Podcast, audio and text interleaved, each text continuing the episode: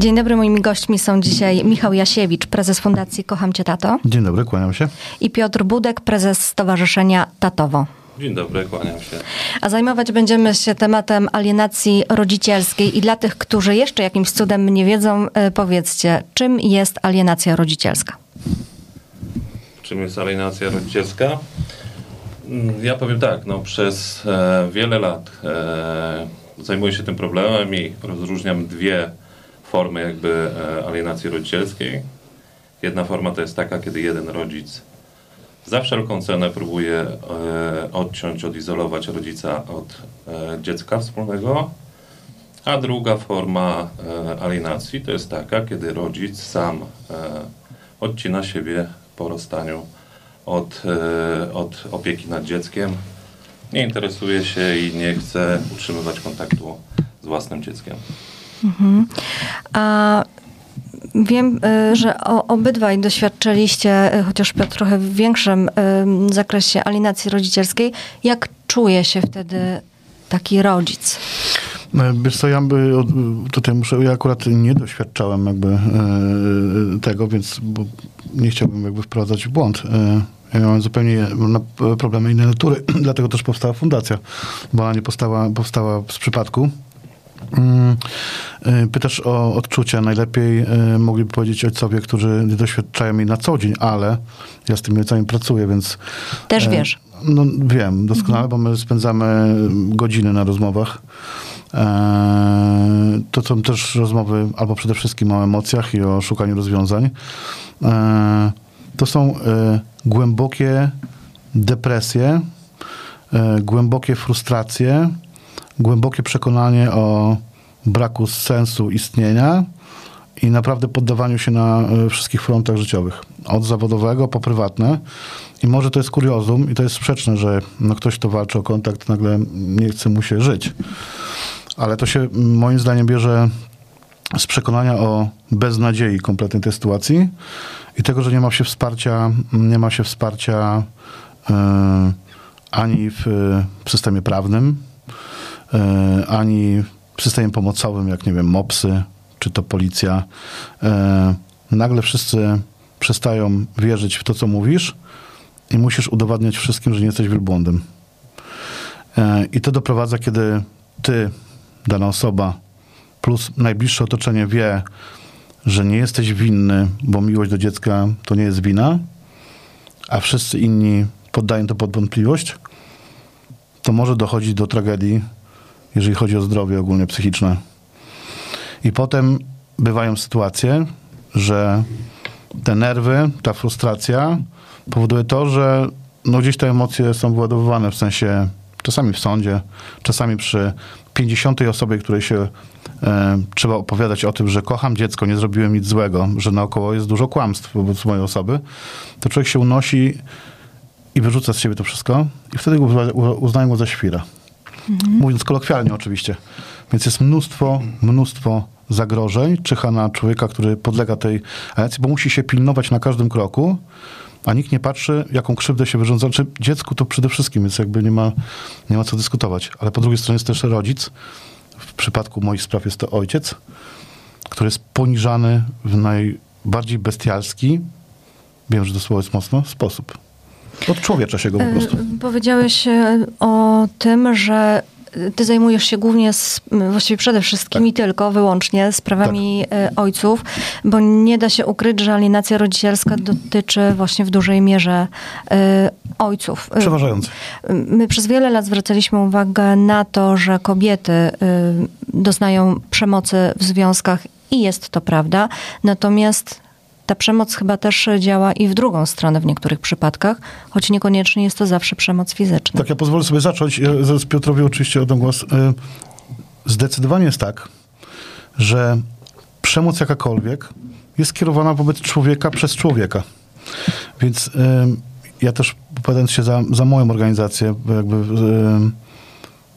trzeba być człowiekiem, który mm, nie rozgląda się po świecie, nie ma dostępu do informacji, żeby nie wiedzieć o tym, że kobieta ulega niejednokrotnie przemocy ze strony mężczyzny, że dziecko, które jest z kobietą, kobietą ulega niejednokrotnie przemocy ze strony własnego ojca, oczywiście, że to się dzieje. No musiałbym być mhm. niepoważnym człowiekiem, żeby nie wiedzieć tego. Czy to jest złe? Tak, powinno być karane najsurowiej na świecie.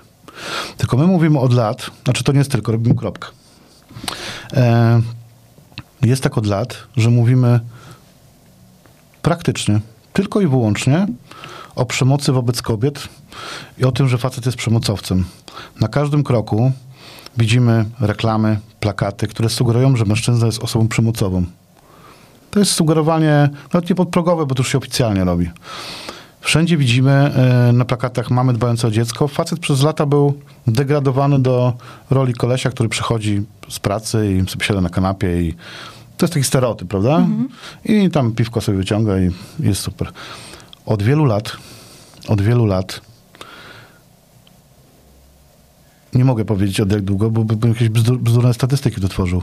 Facet jest, y, ma pojęcie o tym, jak powinno się wychować dziecko, jak się nim zajmować, jak odwozić do szkoły, jak robić kanapki, jak robić obiad, y, jaką wiedzę sprzedawać, jak, jakie emocje y, prowokować, żeby ten rozwój był super, żeby to dziecko miało świetne dzieciństwo, ale żeby się uczyło też.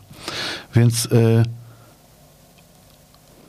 Tata już nie jest tylko osobą siedzącą na kanapie. Nie, nie, oczywiście, że nie. I chodzi tylko o to, że wszystkie działania, które prowadzi fundacja, od A do Z nie są działaniami wymierzonymi przeciwko kobietom. Mhm. Może o tym świadczyć przynajmniej to, że około 20 pań e, mecenas jest wokół e, fundacji, panie mediatorki, e, panie psycholożki, chociaż nie lubię tych feminatywów, ale nie chciałbym, jeżeli ktoś, nie chciałbym kogoś obrazić, bo może być wyczulony.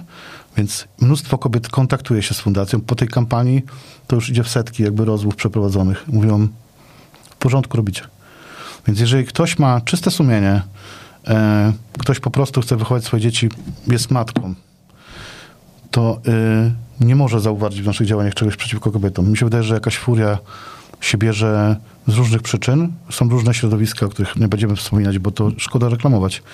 E, to te osoby zarzucają jakąś stronniczość, bo fakt, że faceci mają przerąbane w sądach i muszą błagać błagać, bo ja to widziałem na własne oczy, że faceci błagają sąd, żeby nie zabierali im dzieci. Płaczą. Faceci po dwa metry, wielkie konie, płaczą i błagają. A sądy nic. Dzieci błagają o to, żeby... O tym też Piotrek mówił, Leroy, ostatnio, jak wybuchł w kanale sportowym. To było po prostu... Y, do tego, co on powiedział, nie można dodać nic. Ludzie błagają i ojcowie, i dzieci błagają. I wszyscy pokazują środkowy palec. W imię czego? W imię dobra dziecka. Worka, który został stworzony tylko na potrzebę tego, żeby wrzucać tam wszystko, oprócz dobra dziecka. Mhm. Michał, jak wygląda, y, Piotr, przepraszam, jak wygląda zetknięcie z polskim systemem prawnym, bo wiem, że ty tego doświadczyłeś. E, może tak. Mm, powiem, kiedy zaczyna się alienacja. Alienacja zaczyna się w momencie, kiedy e, dziecko staje się przedmiotem, a nie podmiotem. Wtedy zaczyna się alienacja. A w momencie, kiedy wchodzimy w system, czyli wchodzimy do, do sądu, e, niestety e, system moim zdaniem e, leży tu na łopatkach, ponieważ nie skupia się na tym, żeby tych dwojga ludzi, którzy rozstają się, a wiadomo, że się rozstają nie dlatego, że, że się kochają, się dogadują i, i się lubią, tylko coś zaistniało, że oni po prostu są do siebie negatywnie nastawieni. A... Zazwyczaj w głębokim konflikcie. Tak, zazwyczaj w głębokim, głębokim konflikcie i tu słowo klucz, konflikt, które bardzo często jest używane w sądzie jako wytrych do tego, żeby tej opieki wspólnej nie, nie e, jakby nie ustanawiać dla rodziców. E, sędziowie zawsze piszą e, w postanowieniach, w uzasadnieniu, że jest konflikt, dlatego opieka naprzemienna, równoważna, opieka wspólna nie może być realizowana, ponieważ jest konflikt. No i tu, e, tu jest sedno tego problemu, ponieważ, tak jak wspomniałem wcześniej, ludzie wchodzą do sądu, są skonfliktowani. Nie dlatego się rozstają, że się kochają. I moim zdaniem instytucje wszystkie, czy to sąd, czy to właśnie, e, tak jak Michał wcześniej wspomniał, MOPSy, czy jakieś ośrodki, e, powinny dążyć do tego, żeby studzić tych rodziców, tak? Żeby im pokazać, że w tym ich całym rozstaniu najważniejsze jest dziecko żeby skupić się na tym, co jest najważniejsze dla dziecka. Najważniejsze dla dziecka, mm, na pewno jestem o tym święcie przekonany, znam to z autopsji, jest posiadanie obojga rodziców. Wychowywanie ich przez obojga rodziców. Dzieci wtedy są szczęśliwe, nie chorują, e, rozwijają się prawidłowo.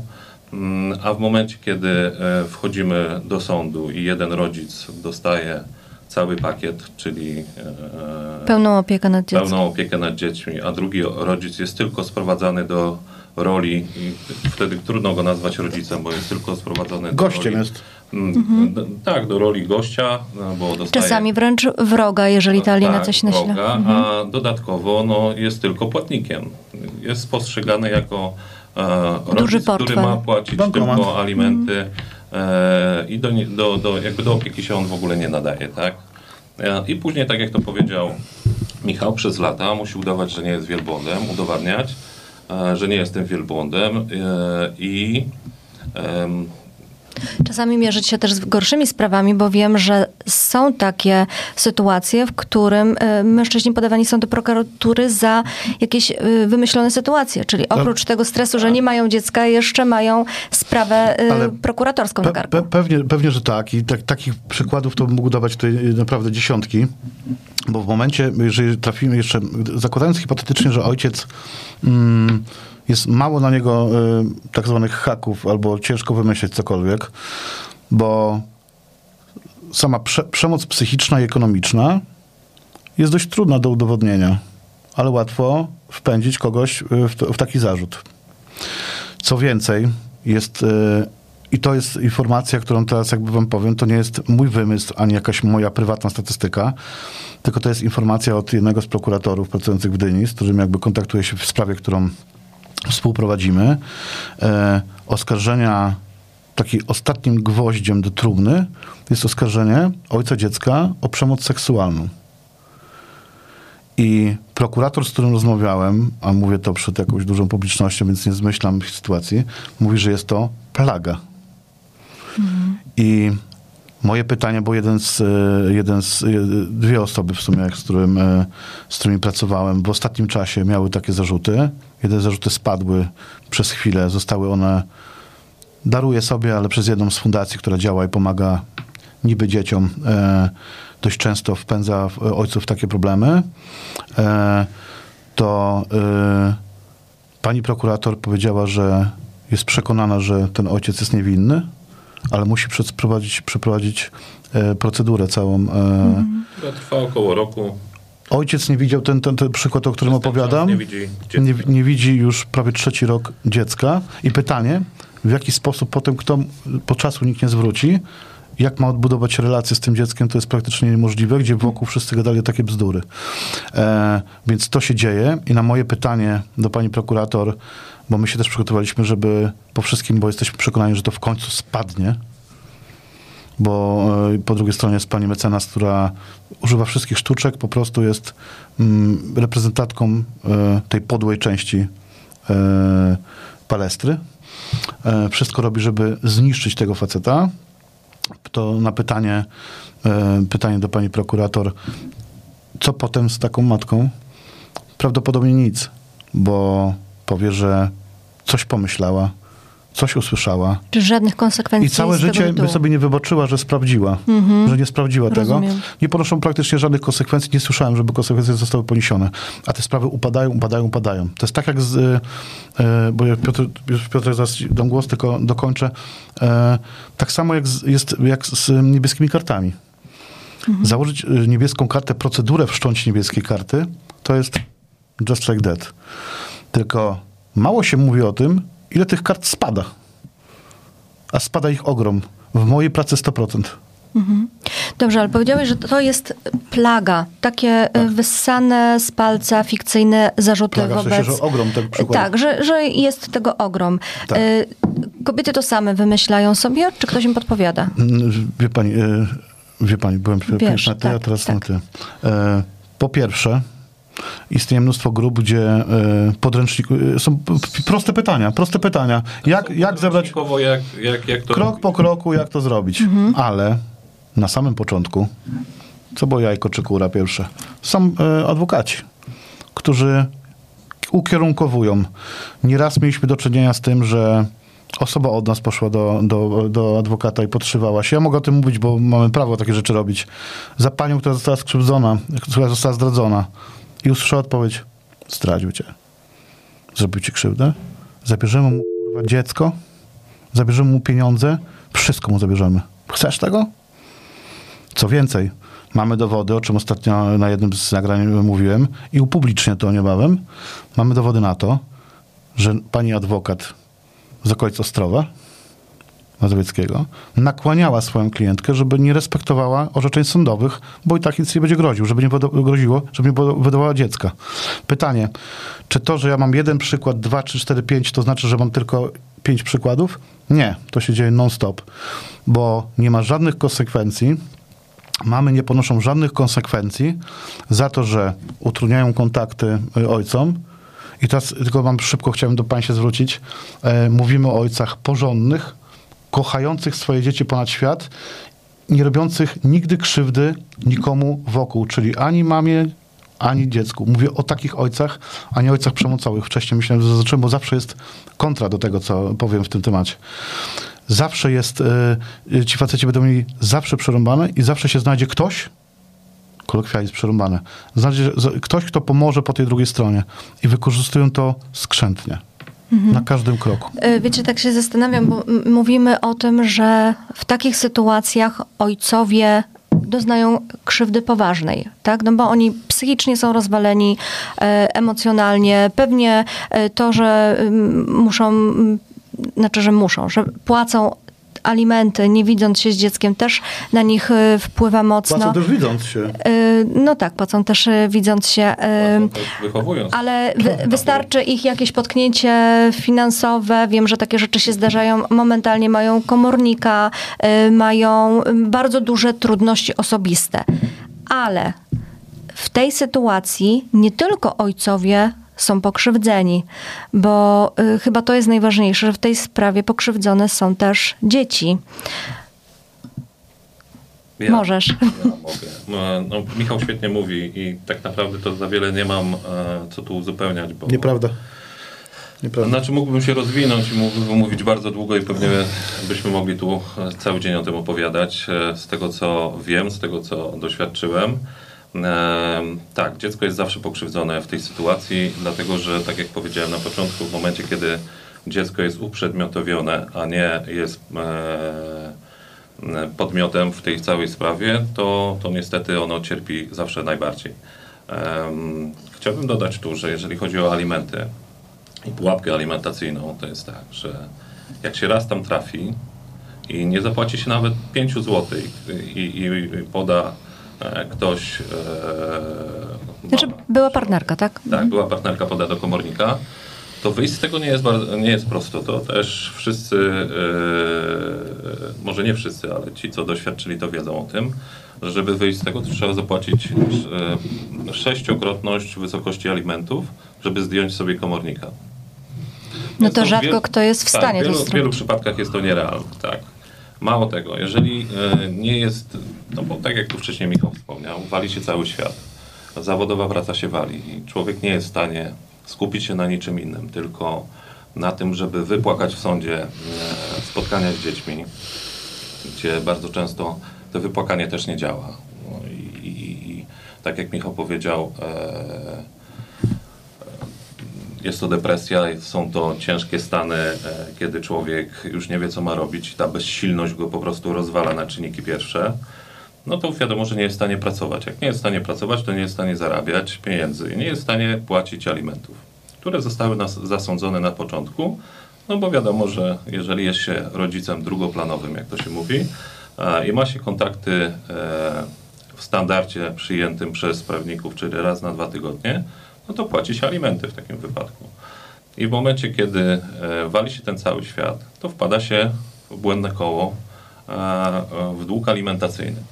Dług alimentacyjny nie jest,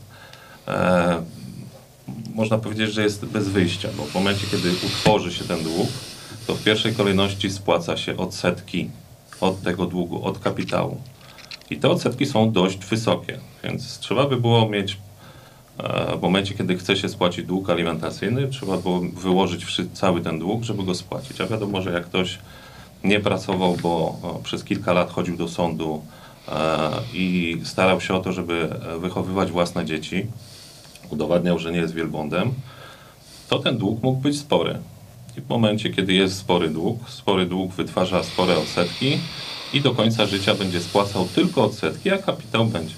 Mhm. Błędne koło. Błędne koło, które e, powoduje sytuację bez wyjścia. Chwilówka to jest. Tak, tak. e, Powoduje sytuację bez wyjścia i tak są tworzeni alimenciarze.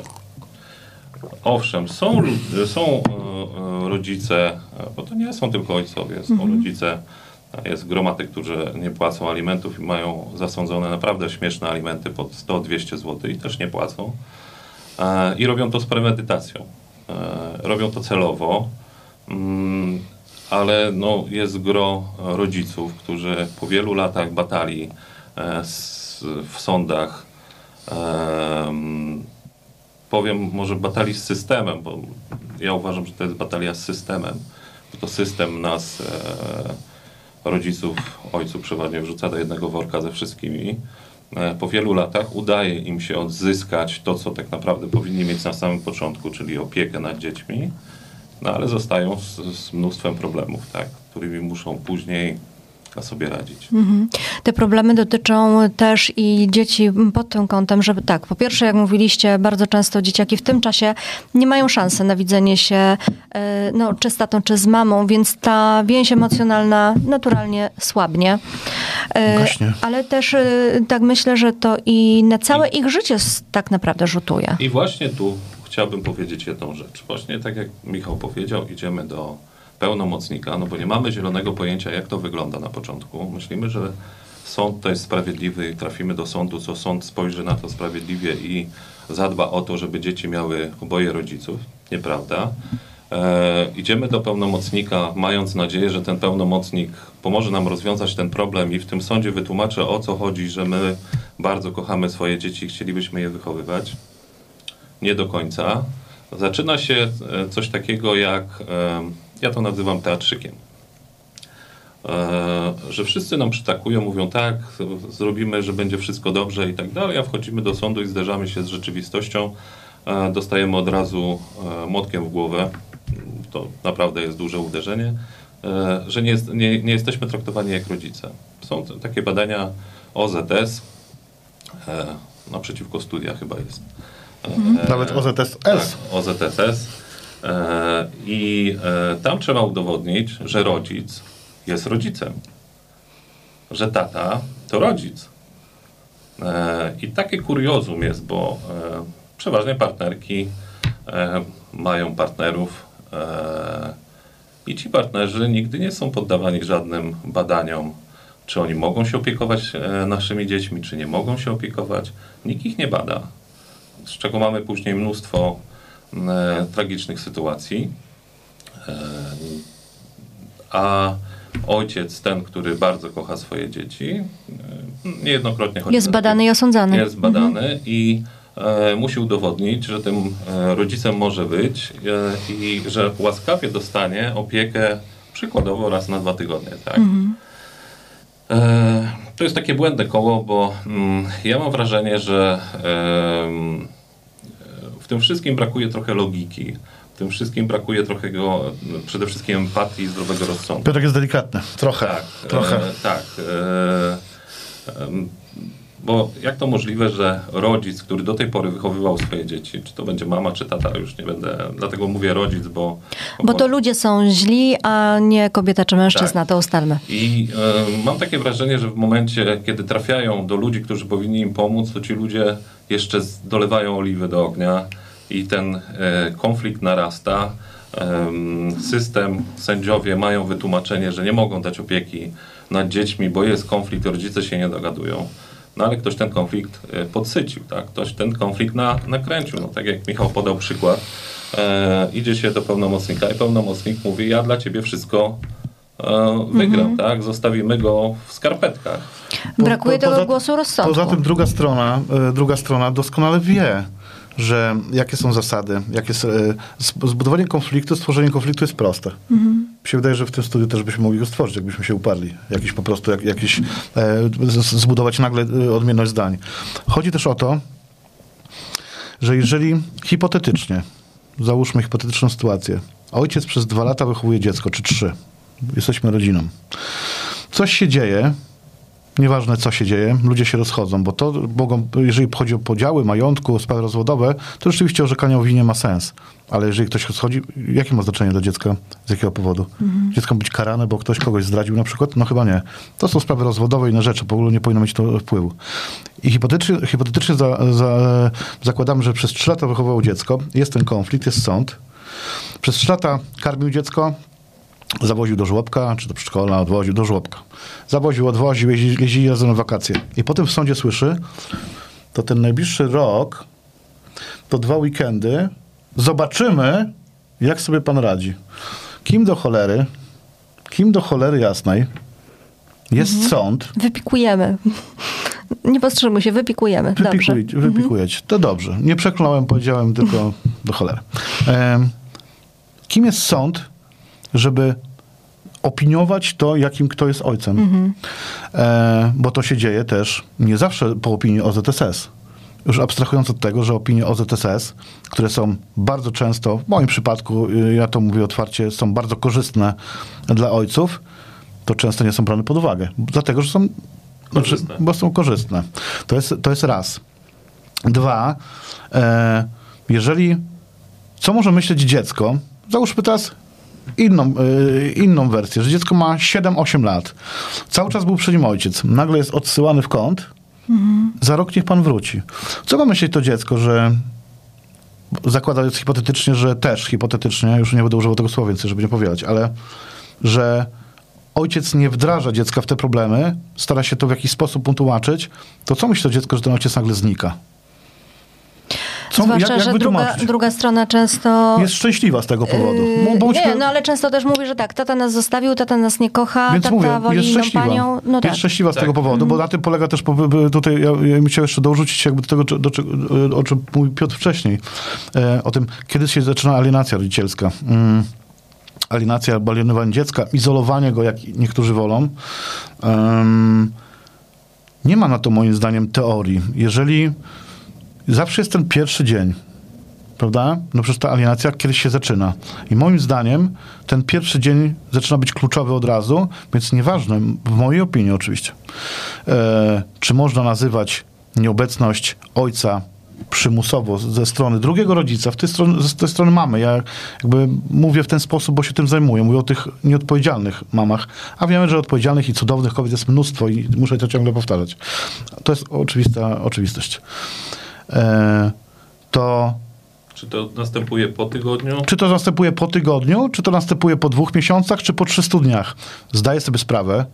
e, Znaczy, dla ojca, który kocha swoje dziecko, zawsze je kochał, jest jego najważniejsze. To jest dla mnie naturalna emocja, naturalne uczucie. Już tydzień jest katastrofą, tylko dlatego, że nagle ktoś znika, pisze SMS-a, muszę od ciebie odpocząć z naszym dzieckiem, bąbelkiem i w ogóle. Tylko dlatego, że ja muszę odpocząć, bo, bo ty jesteś dla mnie zły. A Jesteś zły, bo chcesz być z dzieckiem. Bo gdybyś olał tą sprawę, to jesteś super. Adios, zapłać 2000. My sobie damy radę, będzie fajnie. Może 2,5, jeszcze 800 plus, a jeszcze dodatki. Ale jeżeli ten ojciec, ojciec chce, to dla niego tragedią jest, bo ja mam takich przykładów, teraz, teraz mam sprawę, mogę pozdrowić Michała, powiedziałem, że to zrobię. E, jeżeli on to dziecko kocha i miał plany i spędzał z nim czas cały czas i nagle nie ma, nie ma dziecka dwa tygodnie, Nie to to jest wrak. Nie wie, co się z nim dzieje. To pytanie, czy on jest już alienowany, czy tylko w sytuacji, kiedy faceci, którym ultra współczuję i znam ich mnóstwo w tym środowisku ojcowskim, którzy nie widzą dziecka 300 dni, 500, 600. Czy można, czy my mamy prawo, ja jakby będąc jakby w tym środowisku, prowadząc y, organizację moją, czy ja mam prawo to nazywać? Uważam, że ani ja, ani nikt nie ma prawa nazywać, ani stopniować od dnia 30 nastąpiło, nastąpiło alienowanie dziecka. Nie. Bo dla nas, dla ojców, ja mówię, jestem w komfortowej sytuacji od wielu, wielu lat, pomimo różnych rzeczy, które mogą mi się nie podobać. Mam świetną relację z synem, spędzam z nim mnóstwo czasu i gdyby zajmował się tym, co zajmuje się, zajmuje tym pełnoetatowo, to jest jakby moje zajęcie i będę się tym zajmował i rozbudowywał jakby naszą działalność, to gdybym nie wracał do domu, nie siadał z moim super, ultra zajebistym, wypikajcie to synem, nie szedł grać w kosza, nie uczył się, bo razem się uczymy, nie miał wspólnych tematów do gadania, to bym dostał, zwariowałbym. Więc ja rozumiem tych facetów. Ja ich rozumiem, tych, co nie widzą po 300-400 dni. Mam do nich ogrom szacunku, że żyją i dalej walczą. Chociaż część z nich, y, a miałem też tak jakby, y, tylko tutaj robić małą dygresję, rozmawiałem raz z człowiekiem, który już się żegnał z życiem, bo miał tego dosyć. No, Miał tego dosyć. Więc tylko, do, tak, tylko, Tylko, tylko dokończę. Więc pow- tylko y, kończąc, nikt nie ma prawa, uważam, y, nie mamy, ps- psycholog ma badać, kiedy to się zaczyna. To, to zaczyna się, bo Piotr bardzo, bardzo jakby konkretnie i ściśle wytłumaczył jakby tą, jakby tą opcję tej alienacji. Ja też tak uważam, że to nie tylko jest trzaskanie drzwiami, to jest takie, dziecko gdzieś jest w pokoju, a w kuchni jest mama i przez telefon mówi, wiesz, on jest taki zły.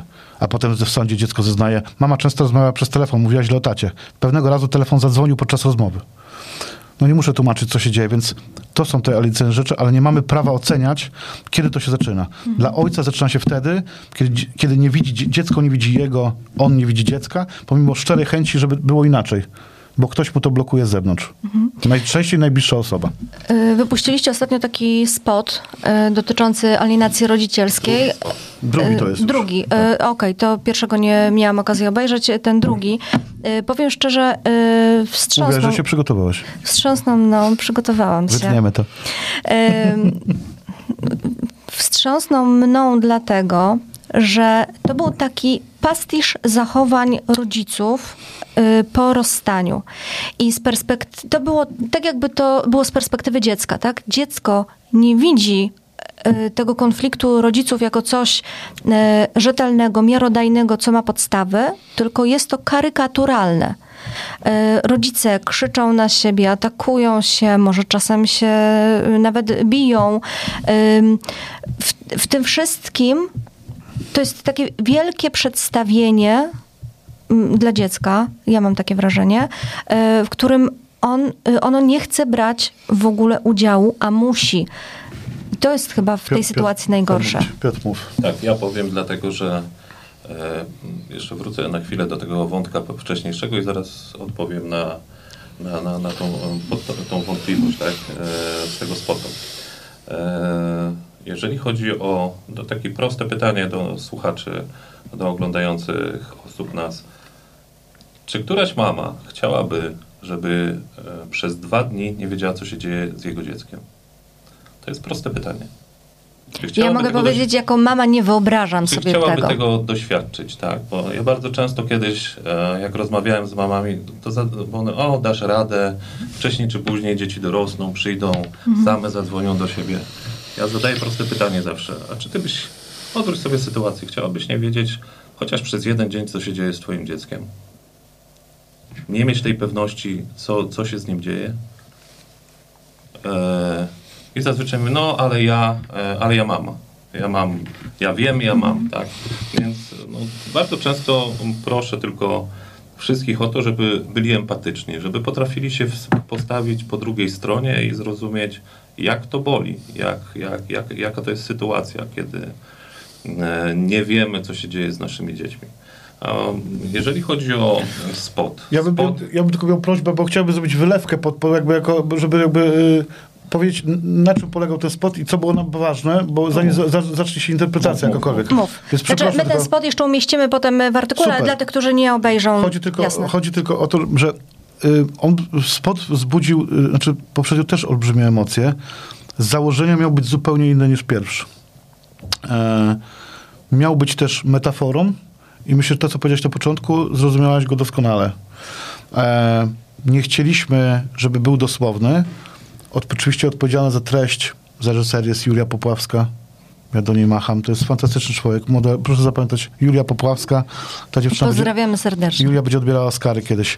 Ja, ja, jak już się zatrzymam, jest, y, jest y, Izabela z Reko Produc- Production, jest y, Piotr Kawycz, drugi reżyser, i jest Żurkowski z piękną muzyką, którego można słuchać, rock'n'rollowiec. Łuki, pozdrawiamy. Wszystko było zamierzone i do dziś, po dziś dzień, pomimo nielicznych, aczkolwiek krytycznych jakby zdań, a to jest oczywiste, no przecież no, nie, podsiadło się rodzi raz na tysiąc lat, gdzie wszyscy go kochają, prawda? No, Nie, też niektórzy krytykują. to już nie rozumiem, bo, ale nieważne. W, w każdym razie chodziło o to, mieliśmy pokazać po pierwsze sprzeczkę, która jest i obserwujące to, co wychwyciłeś, że to jest po prostu te, rozgrywanie teatru niepotrzebnego często. Jest tam pokazane też, też z premedytacją, że ojciec jednak próbuje odciągnąć dziecko od tego konfliktu, pokazując jej e, różne gesty, żeby ją uspokoić, uspokoić dziecko. Pokazaliśmy problem, który jest, czyli jest problem alienacji, izolowania dziecka przez mamę, niestety, w tym przypadku i w wielu przypadkach. Pokazaliśmy na koniec, w mojej opinii, ukłon w stronę kobiet też, w stronę tych mam, które się w ten sposób zachowują, że wypada czasami się zastanowić nad tym. Ten- Ostatnia scena. gest przez, przez e, Martę Malikowską, znaną Pazinę z e, Ślepcąc od ś- świateł. E, to jest w ogóle hit, że Marta była w tym.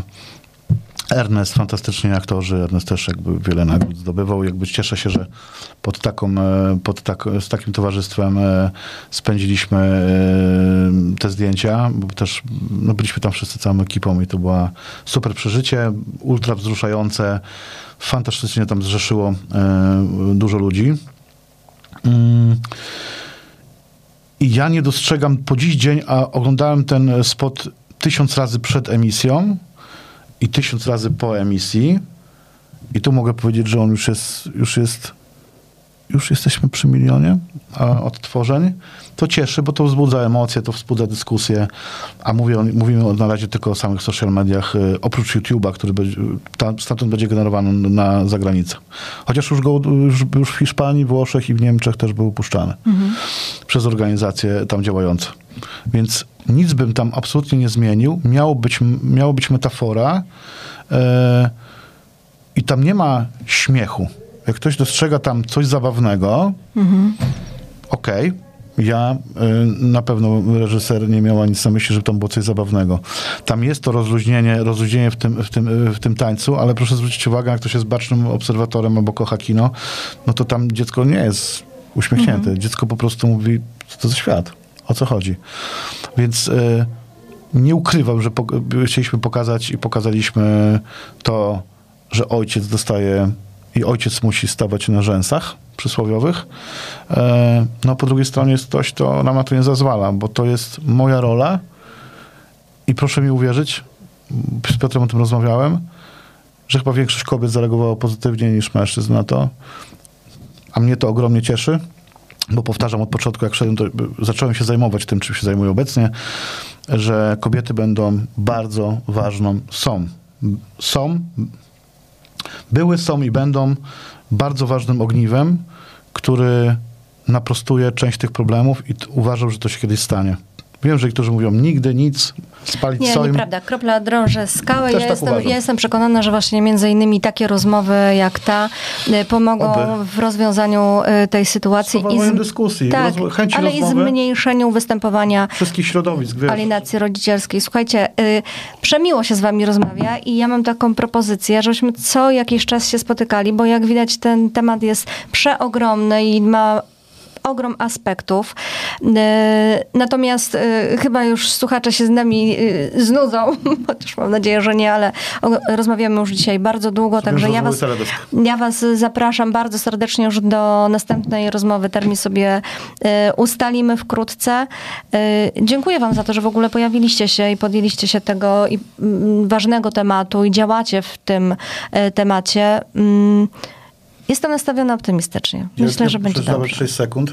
Nie tylko organizacje, które działają w tych przestrzeniach, mogą zrobić coś dobrego. Pojedyncze osoby działające. To jest bardzo ważny element tego.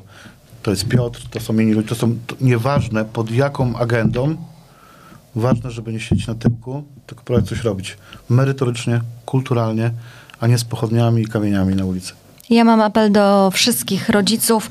Bądźmy dorosłymi i pokażmy dzieciom, że, że my jesteśmy rodzicami, my jesteśmy dorośli, my bierzemy odpowiedzialność również za ich życie, bo my ich stworzyliśmy. W tym, całym, w tym całym rozgardiaszu, który powstaje w momencie rozstania, że dzieci są najważniejsze. Dokładnie tak. Wszyscy o tym Tak pamiętali. Tak. Bardzo dziękuję Wam za rozmowę. E, Moimi gośćmi byli Michał Jasiewicz i Piotr Dziękuję Budek. Dziękuję. Dziękuję. E, Na pewno do usłyszenia. Do usłyszenia. Dziękujemy.